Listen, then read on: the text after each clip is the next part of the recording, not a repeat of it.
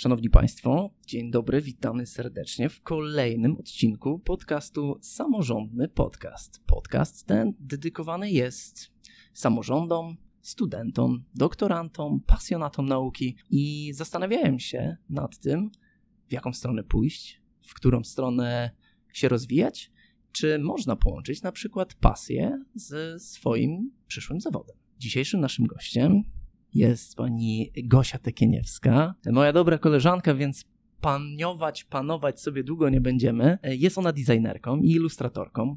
Jest magistrem sztuki i absolwentką grafiki na WSP UMK, czyli Uniwersytecie Mikołaja Kopernika w Toruniu, ze specjalnością projektowanie graficzne. W roku 2019 uhonorowana została nagrodą imienia profesora Sławomira Janiaka, która przyznawana jest za wyjątkowe osiągnięcia artystyczne dla studentów w kierunku np. grafiki na specjalności projektowanie graficzne. Jej dyplom magisterski pod tytułem Melanż ostateczny, widziałem ten melanż ostateczny, mógł pochłonąć i pochłonął także jury, bo uzyskała najwyższe wyróżnienie i została e, nagrodzony medalem imienia Tymona Niesiołowskiego za najlepszy na Wydziale Sztuk Pięknych UMK dyplom artystyczny. Obecnie e, mieszka w Poznaniu, zajmuje się ilustracją, projektowaniem opakowań oraz współpracuje z małymi i średnimi firmami przy tworzeniu ich identyfikacji wizualnych. Cześć Gosiu. Cześć Czaro.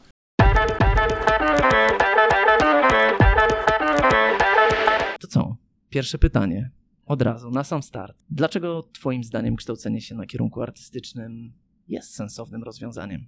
Z kilku powodów y, mogę się wypowiadać najlepiej na podstawie własnego doświadczenia, więc głównie na tym będę bazować. Ja nie chodziłam do plastyka, od tego zacznijmy. Chodziłam do zwykłego liceum. Właśnie wybór studiów artystycznych dla mnie miał o tyle dużo sensu, bo mogłam mieć taki reality check trochę. Wcześniej byłam zawsze tą jedyną osobą w każdej grupie, która rysowała czy w rodzinie, czy wśród przyjaciół. I zawsze te jakieś moje twórcze działania spotykały się z komplementami, z ochami, achami. I to było bardzo ciekawe znaleźć się nagle wśród ludzi, którzy robią dokładnie to samo albo bardzo podobne rzeczy i nagle nie wybijać się do końca. To było duże wyzwanie, ale też fajne wyzwanie, bo to mnie motywowało. Wcześniej to było tylko hobby, a nagle musiałam w bardzo krótkim czasie zacząć poważnie myśleć o tym, co było tylko moją odskocznią i naprawdę poważnie się na tym skupić, żeby coś z tego faktycznie mogło być w przyszłości. Na pewno nauczyło mnie to systemu pracy, który głównie polega na pracy w domu i takiej pracy samodzielnej, bo studia, okej, okay, nauczą cię wiele, ale jak wszyscy wiemy, nie nauczą cię wszystkiego i nie będą cię prowadziły za rączkę nigdy, e, zwłaszcza studia artystyczne. Więc myślę, że dużo takie studia uczą samozaparcia, samodyscypliny, która będzie się przydawać Tobie w życiu nie tylko w kwestiach artystycznych, zawodowych, ale też ogólnie takich osobistych. Jeśli chodzi o grafikę na UMK, to myślę, że te studia są świetne, jeśli chcesz po prostu popróbować wielu rzeczy. Bo na pierwszym roku grafiki, zwłaszcza, nazywam to tro trochę takim placem zabaw, bo można naprawdę popróbować wielu różnych technik na grafice warsztatowej, linoryt, metal, sitodruk. Wszystko jest to po prostu spakowane w tym pierwszym roku, więc nawet jeśli przeżyjesz ten pierwszy rok, nie do końca jest to, co ci odpowiada, to możesz wtedy skoczyć do czegoś innego, ale już po tym jednym roku spróbowałeś tylu rzeczy, że możesz naprawdę z jakąś większą pewnością stwierdzić, czy to jest ok, czy to nie jest ok. E, no i ogólnie studia artystyczne wydaje mi się, że dają bardzo dużą podstawę do tego, żeby robić coś sensownego w życiu, bo świat to design. Tak naprawdę designerzy zawsze będą potrzebni. Do kreowania świata są potrzebni ludzie, którzy mają duszę artystyczną. No, wiemy, że bez takiego pomysłu, bez tej wizji, pewnie wiele rzeczy by się nie udało zrobić, osiągnąć. Graficy artyści trochę kolorują nam ten świat, który jest no, bardziej powiedzmy sformalizowany, wrzucany w Excele, w tabelki, mm, a wy dodajecie te kolorowe, kolorowe elementy, które napędzają właśnie ten świat, a na pewno inspirują, na pewno inspirują. Dokładnie i to nawet kolorowanie świata to jest jedno, ale ja jestem takim mocnym wyznawcą takiej teorii, że to w jakim otoczeniu przebywamy bardzo mocno wpływa na nas i uzależnia to, jak się zachowujemy też, jak się wysławiamy, jak się ruszamy, jak myślimy nawet. Więc jak funkcjonujemy w dobrze zaprojektowanej przestrzeni, w świadomie zaprojektowanej przestrzeni, otaczamy się dobrze zaprojektowanymi rzeczami, przedmiotami, ale też sztuką ogólnie, nawet po prostu dekoracyjną, jesteśmy zupełnie innymi ludźmi. I myślę, że to jest e, bardzo, bardzo potrzebne. Wiadomo, to logiczne myślenie też jest potrzebne, dlatego wiadomo, nie można zawsze tylko bujać w obłokach, nie mieć żadnej takiej solidnej podstawy e, w tym naszym designowaniu wszystkiego, ale jest to bardzo, bardzo ważne moim zdaniem dla społeczeństwa ogólnie. Designerzy, czy ludzie, którzy odpowiadają za to, żeby coś było ładniejsze albo lepsze, przecież są widoczni nie tylko na obrazach czy na rzeźbach, ale także w wielu miejscach no, w życiu codziennym, chociażby zaprojektowanie sensownie parku, ładne zaprojektowanie chociażby strony internetowej, która później będzie Twoją wizytówką i ktoś nie pogubi się na niej w pierwszych trzech sekundach, albo po prostu, gdy idziemy do sklepu i wybieramy między tym produktem a tym, no to nie oszukujmy się, nie będziemy czytać zawsze składu. Czasami po prostu przyciągnie nas estetyka. I ona szarpie tą strunę taką, która nas chyba pobudza najbardziej. Odbiegliśmy bardzo mocno tak filozoficznie, a idziemy bardziej w stronę tego, jak praktycznie podejść do studiów. To znaczy samorządny podcast, więc chciałbym też się dowiedzieć, czy studia artystyczne pomagają oprócz warsztatu na przykład nawiązać jakieś relacje. Oczywiście, jasne. Nie mówię koleżeńskie, chociaż te też są ważne. Myślę, że to poniekąd trochę tak to wygląda. Jak się ludzie lubią, to lubią ze sobą po prostu współpracować i się jakoś tam, jeśli się szanują i doceniają swoją pracę, to ten element właśnie sympatii na pewno nie przeszkodzi. To na pewno. No, środowisko artystyczne bardzo często bazuje właśnie na tych takich prywatnych kontaktach. To, to są studia, gdzie te grupy na kierunkach są dość małe, więc na szczęście mamy tą szansę, żeby z prowadzącymi mieć trochę bliższe relacje niż może na jakichś gigantycznych kierunkach ludzi mają okazję, jakimś prawie czy czymkolwiek innym. Więc to jest świetna okazja, żeby przy tym mentorze być trochę bliżej i trochę bardziej dowiedzieć się więcej od niego, jakieś nawet osobiste historie. Wtedy jest po prostu na to czas, jest na to przestrzeń i też taki prowadzący po prostu czuje się pewnie bardziej komfortowo móc takiej bardziej kameralnej grupie po prostu uchylić trochę rąbka wszelkie koła, które istnieją na, na wydziale, też są świetną opcją, żeby spotkać się z ludźmi, którzy nie dość, że poszli na tą uczelnię i już mają coś wspólnego, będąc i, i w jeszcze mniejszej grupie, jeszcze bardziej sprecyzować te swoje wspólne cele, to na pewno łączy ludzi. Są inicjatywy, mm, są też oczywiście pchane dalej przez, przez wydział i pokazywane szerszej grupie ludzi. Więc to są świetne momenty, żeby, żeby się jakoś bardziej udzielić i żeby po prostu poegzystować z ludźmi, którzy myślą podobnie jak ty. Toruń, że artystycznym miastem jest, chociażby widzimy, gdy wychodzimy z rektoratu uniwersyteckiego, to pierwsze, co mi się rzuca w oczy, to fasada. Ona też jest taka artystyczna, z mozaiki składająca się, ale odbiegnijmy od niej. Co roku widuję coraz różne billboardy. Billboardy artystów często właśnie. No i oczywiście centra sztuki, chociażby tej, to Centrum Sztuki Współczesnej. Wiemy, że studia artystyczne to nie tylko czas e, spędzony z, ze swoimi artystycznymi zapędami, ale także właśnie możliwość obcowania z innymi i uczenia się także i od nich. A teraz pytanie brzmi, czy Twoim zdaniem ten model studiów, w którym pracujecie raczej w mniejszych grupach, raczej bardzo indywidualnie podchodzicie do wielu kwestii, nie musicie się przecież wpisywać w żadne szablony, przynajmniej bardzo często nie musicie się wpisywać w żadne szablony, powoduje, że te studia są całkowicie inne od studiów biologicznych, czy studiów prawniczych, czy studiów, nie wiem, medycznych, czy studiów e, chemicznych. Ciężko mi powiedzieć, bo nigdy nie studiowałam niczego innego. Przed grafiką jeszcze rok studiowałam malarstwo, więc jeszcze mam ten insight malarski, bardziej tradycyjnej e, dziedziny jednak niż, niż projektowanie graficzne.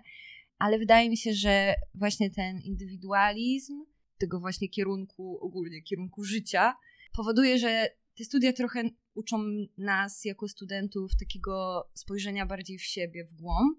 Wiadomo, każdy się porównuje i najlepiej by było, gdybyśmy starali się tego unikać, ale nie da się do końca. Ale najbardziej y, chyba nauczyłam się na studiach swojej wrażliwości, obserwacji świata, bo to jest bardzo ważne. Może czasem właśnie na innych kierunkach to skupienie na przedmiocie nauki jest tak duże, że może taki świat codzienny nie do końca dotyka tego człowieka, a my jednak musimy być wrażliwi na wszystko. Na malarstwie, no to już, już w ogóle wszystko może być tematem, więc y, ta wrażliwość na pewno musi być na wysokim poziomie i musimy się tego nauczyć podczas y, całego toku studiów, żeby korzystać z tego jak najlepiej. Tą zasadniczą różnicą pomiędzy takimi tradycyjnymi studiami pewnie będzie to, że musimy my jako artyści bardzo bazować na naszej kreatywności, która niestety jest bardzo tricky kwestią, bo to nie jest studnia bez dna i mogą przyjść momenty, kiedy najbardziej jej potrzebujemy, a jej wtedy najbardziej nie ma. Dlatego ten balans pomiędzy tym, żeby jednak ta kreatywność płynęła po prostu jak rzeka rozszalała, a jednak tym, żeby trochę nie odlecieć za bardzo, e, też żeby się nie stresować i wszystko. Po prostu czasem jest natłok tych emocji tak duży, że sami jesteśmy sobie największymi wrogami, ale też z tego natłoku emocji czasem przychodzą najlepsze rzeczy. Więc takie balansowanie po prostu po cienkiej linii jakiegoś złotego środka jest rzeczą może, która nie dotyka innych studentów, innych kierunków, a może i tak, bo kreatywność może jest w każdej pracy, tylko może u nas wymagana jest trochę bardziej. Więc myślę, że to, to było dużą trudnością. No ten właśnie indywidualizm mi się chyba tak rzuca w pierwszej, na pierwszy plan, czyli że podejście do, do danego zagadnienia no jest bardzo, bardzo indywidualne. Ja muszę się raczej wpisywać w jakiś szablon, no nie mogę wymyśleć sobie wzoru na, nie wiem, wodę czy dwutlenek węgla. Raczej będę musiał trzymać się pewnych ram, którzy mądrzy ludzie opracowali wcześniej. Jest to takie czarno-białe, nie? U nas nie ma czerni i bieli. Chyba, że je użyjecie. Jeśli dobrze wybronimy swoją szarość, to możemy nawet ją wcisnąć jako biel. Tylko musimy ją do dobrze wybronić i musimy mieć tę podstawę. Dlaczego ja uważam, że to jest białe, ale ty widzisz szary. Znowuż filozofia za moment, przejdziemy jeszcze do niej. Słuchaj, no bo nie bez powodu jesteś zaproszony jakby do tego odcinka, głównie E, dlatego, że już w czasie studiów dużo pracy poświęcałaś oczywiście na samodoskonaleniu i Twoim warsztacie, ale także działałaś już trochę na rzecz komercyjnych podmiotów, czyli jesteś przykładem artysty, który już na etapie tworzenia tak naprawdę swojego portfolio, czy na etapie kształtowania się jako magistra sztuki, już działałaś komercyjnie. Zresztą sam zlecałem także niektóre zadania. Czy w trakcie właśnie odbywania studiów możliwe jest zrealizowanie także takich zleceń komercyjnych? Już dalej idąc za tym, jakie, jakie są sposoby na to, żeby zaczepić się do pierwszych takich zleceń? No moją radą na pewno będzie to, żeby zacząć jak najwcześniej. Wiem, że niektórzy mogą mieć opory, myśleć, jeszcze nie skończyłem studiów, jeszcze nie jestem na tyle dobry, żeby komukolwiek oferować swoje usługi. Nie jest to prawda każdy poziom umiejętności nada się do czegoś i moim zdaniem jak najlepiej jak najwcześniej zacząć te próby właśnie komercyjne, czy z rodziną, czy z przyjaciółmi, tak jak właśnie współpracowaliśmy, czy właśnie z jakimiś dalszymi znajomymi, czy ogłaszać się na grupce. Hej, jestem na tym i tym roku studiów, jeśli ktoś coś potrzebuje, dajcie znać. Media społecznościowe, największa siła. A dlaczego uważam, że najlepiej jak najwcześniej? Studia artystyczne, a przynajmniej grafika, bardzo mocno nauczyły mnie tego, jak wypowiadać się o tym, co robię, jak to opisywać, jak to tłumaczyć, jak to bronić. Ale jednak jest pewna różnica w rozmowie z prowadzącym, który operuje tym samym słownictwem, y, żargonem graficznym, którego wskazówki powinno się wziąć pod uwagę, a zupełnie inaczej rozmawia się z klientem, który może nie ma wykształcenia graficznego, może nie operuje żargonem graficznym. Właśnie zdolność komunikacji nie wytworzy się inaczej niż poprzez praktykę. Więc y, okej, okay, możemy się teorii nauczyć i studia dają nam tą podstawę teoretyczną, ale fake it till you make it. I musisz zacząć robić, jak chcesz, nauczyć się robić to dobrze i co jest niewygodne na samym początku, bo każdy chce być specjalistą w czymś i zacząć robić coś, jak już to robi idealnie ale nie zaczniesz robić tego idealnie, jak nie zaczniesz tego robić. Znaczy, w wielu dziedzinach myślę tak jest, mimo wszystko, ale właśnie w dziedzinach artystycznych rzuca mi się to najbardziej, jakby znowuż na pierwszy plan. Dziedziny te muszą mieć odbiorców. No, sztuka nie żyje bez, bez odbiorców. Czy to będzie klient? To wtedy przełoży się prawdopodobnie na jakąś gratyfikację, na przykład finansową, albo to będzie właśnie chociażby odbiorca społeczeństwo, bo wydajemy przecież sztukę dla społeczeństwa na przykład. No bo okej, okay, ogłaszanie się na jakiejś grupce i tak dalej, to jest zapewne jakaś dobra metoda, ale czy warto już na przykład e, wykorzystać jakieś bardziej profesjonalne portale, profile, gdzie możesz siebie promować? Czy na razie myślisz, że te media społecznościowe będą wystarczały? Ja myślę, że będą wystarczały, bo też w trakcie studiów e, dużo się dzieje na uczelni i jeśli chcemy być naprawdę dobrzy, to musimy naprawdę poświęcić 100% naszej uwagi. Sama się o tym bardzo dobrze przekonałam, bo na początku studiując dwa kierunki, musiałam każdy robić 50-50 i gdybym nadal robiła 50-50, to na pewno nie skończyłabym z tymi dwoma nagrodami. Zostałam zauważona przez y, prowadzących na poważnie, kiedy ja zaczęłam traktować to na poważnie. Nie chciałabym przekonywać nikogo do lecenia tak na pół gwizdka na uczelni kosztem jakiegoś własnego biznesu. Myślę, że trzeba wykorzystać ten czas, który się ma na uczelni w 100%, jak już się jest na to zdecydowanym. A media społecznościowe są teraz tak dobrą platformą i naprawdę klienci szukają właśnie po zwykłym Instagramie, że jeśli naprawdę będziemy pokazywać to, co robimy, to ktoś się odezwie. Jeśli damy się trochę zauważyć, trochę to popchniemy, to myślę, że nie ma problemu. Dla mnie Behance był mocno przełomowy. A powiedz mi, jak przełamać tremę? Jest to trudne, jest to bardzo trudne i na, najgorsze jest to, że pytasz złą osobę, bo chyba jestem osobą, która najmniej postuje na Instagramie ever. Tak jak mówię, dla mnie bardziej przełomowy był Behance, ale to też pod koniec y, jakoś moich studiów, kiedy wrzuciłam swój dyplom i ten dyplom po prostu napędził mi potem trochę właśnie tą machinę zleceniową nawet nie wiesz, ile godzin spędziłam na tym, żeby dopracować prezentację Behance'ową na maksa. No i niestety, no tak to jest. I właśnie to jest też duża trudność na studiach artystycznych, gdzie my tak naprawdę czasem przelewamy całe swoje serducho w te projekty i nie do końca czujemy, że oceniana jest nasza praca, tylko że trochę oceniani jesteśmy my jako ludzie po prostu, bo halo, to jestem ja na tej kartce papieru, czy tam na, na tym ekranie, to co tam wytworzyłam. Więc to jest bardzo trudne, żeby przełamać tą tremę, ale trzeba. Jedyne, co mogę powiedzieć, to, że trzeba. Powiedzieliśmy ważne słowa, a mianowicie, że jeżeli nie dasz siebie 100%, nie będziesz najlepszy. To by się udało, jak się okazało, być najlepszym, najlepszą. E, a mianowicie twój dyplom właśnie magisterski, przypomnijmy, pod tytułem Melanż Ostateczny, to uzyskał właśnie najwyższe wyróżnienie i został nagrodzony medalem imienia Tymona Niesiołowskiego. Jak to się robi? W sensie, czym, czym jest taki dyplom? Czym jest takie wyróżnienie? Ja jestem laikiem totalnie w kwestiach sztuki i chciałbym po prostu wiedzieć, e, gdzie szukać może takich nagród. No właśnie, no są e, dwie nagrody, które były mi tak e, szerzej znane.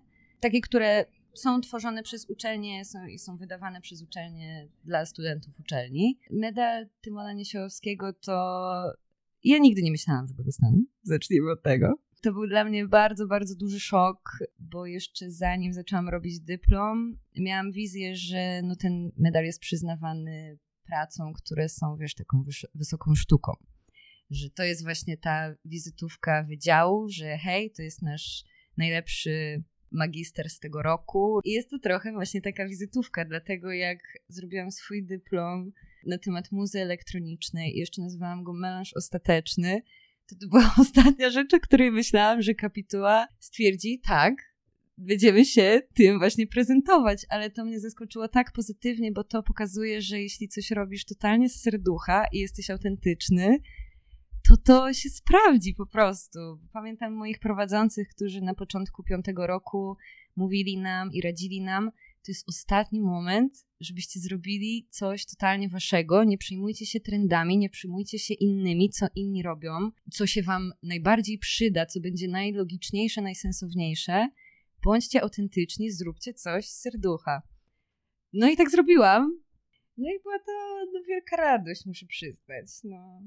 Inaczej, każdy lubi dostawać nagrody, a szczególnie jeżeli wypracowane są i no, włożone zostało dużo, dużo godzin pracy i ktoś nas docenił. No, każdy lubi być doceniany, to, to, to bez dwóch zdań. No właśnie, dyplom, praca, jakieś dzieło sztuki na sam koniec. E, jak wygląda w ogóle taki proces kształcenia na takich studiach artystycznych? Jak byś to oceniła? W sensie, ja jako biotechnolog musiałem zdawać dużo egzaminów, po prostu. Czasami jakaś praca, powiedzmy grupowa, jakiś projekt, ale u ciebie to chyba całkowicie inaczej wyglądało. Jak wygląda studiowanie studiów artystycznych, czy studiowanie na kierunkach artystycznych? No na pewno się różni. Mamy też przedmioty teoretyczne, gdzie musimy się wielu rzeczy nauczyć, ale też po prostu dużo rozumieć, potrafić wyciągać wnioski, jakoś łączyć, łączyć fakty ze sobą. I tak naprawdę każdy rok trochę rządzi się własnymi prawami. Tak jak wspomniałam już wcześniej, ten pierwszy rok na grafice to taki trochę plac zabaw, że można tu popróbować, tam popróbować i trochę zobaczyć e, właśnie z czym e, się to je. E, na drugim roku sobie wybieramy już konkretniejsze pracownie, jakieś decyzje są podejmowane. Wszystko można odwrócić oczywiście, ale to już jest jakiś moment, żeby po prostu się zastanowić nad tym, co mnie bardziej kręci. E, no a potem szkolimy się coraz bardziej, ale głównie jest to praca praktyczna, ćwiczenie warsztatu, ćwiczenie głowy i ćwiczenie myślenia bardzo mocno, zwłaszcza na projektowaniu graficznym, które często operuje syntezą konceptów do takiego stopnia minimalizmu, żeby przekazać jednym przedmiotem wiele myśli.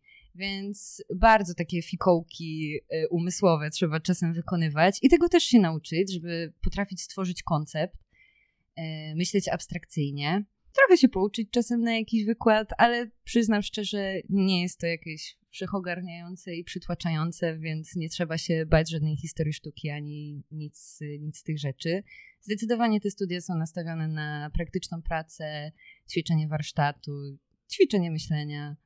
E, no i przychodzi potem piąty rok, e, gdzie już ten indywidualizm jest wyśrubowany na maksa, bo każdy prowadzący podchodzi już kompletnie indywidualnie. Fajnie też, że prowadzący naprawdę potrafią się wkręcić w pomysł i być tak samo czasem podekscytowani jak my tym, co właśnie powstaje. Przynajmniej ja miałam takie doświadczenie z moimi prowadzącymi. Pozdrawiam ich serdecznie, jeśli mnie słyszą. E, I to było cudowne. Niestety broniłam się w czasach covid i nie mogłam zaaranżować tej swojej obrony tak, jakbym chciała, ale no, możliwości są wszelkie. My z, e, ja z moimi prowadzącymi myśleliśmy, żeby moją obronę zrobić w klubie z muzą elektroniczną i jeszcze jeden z moich prowadzących by był na konsolecie, więc e, różne rzeczy, różne pomysły można mieć. Można stworzyć z tego cały happening i wystarczy tylko chcieć. I naprawdę można zrobić wszystko na ten dyplom, bo nikt nie będzie nas ograniczał. Ogranicza nas jedynie nasza kreatywność, no i oczywiście nakłady finansowe, bo jakoś to trzeba oczywiście sfinansować, wyprodukować pewne elementy i tak dalej. Ale no fajnie, że możemy się skupić na sobie i na tym, co przeżywamy w środku i przez te całe studia próbować jakoś dać temu wyraz w ten czy w inny sposób jest to bardzo takie uwalniające. Myślę, że dużo się można nauczyć o sobie podczas takich studiów. Tytuł to Samorządny Podcast, więc e, trochę o samorządności, ale też rozmawiamy, bo ten cykl jest poświęcony różnym konceptom tak naprawdę rozwijania się oraz doskonalenia się zarówno w trakcie studiów, jak i po studiach e, jak można obrać różne ścieżki tak naprawdę, a że studia są po prostu takim dobrym momentem do tego, żeby rozpocząć myślenie o sobie, mieliśmy już okazję posłuchać tutaj właśnie ścieżki związanej z rozwojem w ramach organizacji pozarządowych. Teraz mówimy o, o kwestiach artystycznych, co dalej na razie nie zdradzam, ale jest e, kilka ciekawych opcji. I chcemy zachęcić ludzi do tego, aby podejmowali się studiów artystycznych. E, szczególnie skupmy się teraz na tym elemencie grafiki. No, jesteśmy w czasach, kiedy AI zjada tak naprawdę nas od środka. Zabija może nawet czasem naszą kreatywność, ale też usprawnia wiele działań. Mm, generuje obrazki, generuje treści, generuje dźwięki, generuje wszystko. Czy grafik komputerowy nie powinien się obawiać AI? Myślę, że dobry grafik nie powinien się obawiać AI. ja, ja się nie boję i ja to staram się wykorzystać te narzędzia, które dają nam te duże mózgi, które to wymyślają. Nie mam z tym żadnego problemu. czasem, tak jak mówiłam o tej kreatywności, czasem przychodzi czas, gdzie to źródełko jest trochę wyczerpane, ale niestety musimy ciągnąć dalej. AI jest świetnym momentem, żeby wystartować na przykład jakiś, jakąś burzę mózgów, którą się przeprowadza z samym sobą, bo po prostu jest od czego odbijać te pomysły, e, wprowadzać jakieś korekty, więc dla mnie to jest świetna rzecz. No i oczywiście pewnie wszyscy graficy słuchający nas znają już, już ten żart. Żeby AI zabrało nam pracę, to klienci musieliby najpierw umieć opowiadać dokładnie, czego potrzebują. A, w sumie, w sumie I racja. tak naprawdę do tego zawsze my będziemy potrzebni, bo to my wiemy, jakie pytania zadać e, klientowi, więc nawet jeśli AI rozwinie się do gigantycznych rozmiarów, my zawsze możemy być tym łącznikiem, który zrozumie klienta, jednak jesteśmy człowiekiem, możemy wysnuć pewne wnioski i wtedy współpracować z AI. I myślę, że ja nie widzę w tym żadnego problemu na szczęście.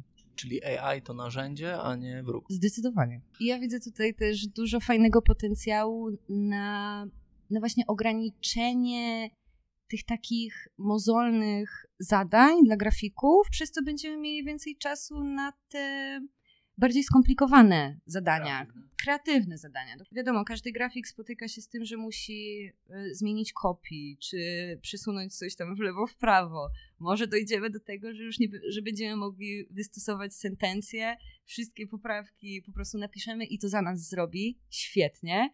E, A my będziemy mogli się po prostu skupiać na tworzeniu jakichś większych koncepcji, które też będą poparte jakąś strategią dodatkowo, jakąś psychologią. No to ja mam nadzieję, że zachęciliśmy wszystkich tych, którzy nas dzisiaj słuchali, do tego, aby spróbować swoich sił na studiach artystycznych i rozwijać się w tym kierunku.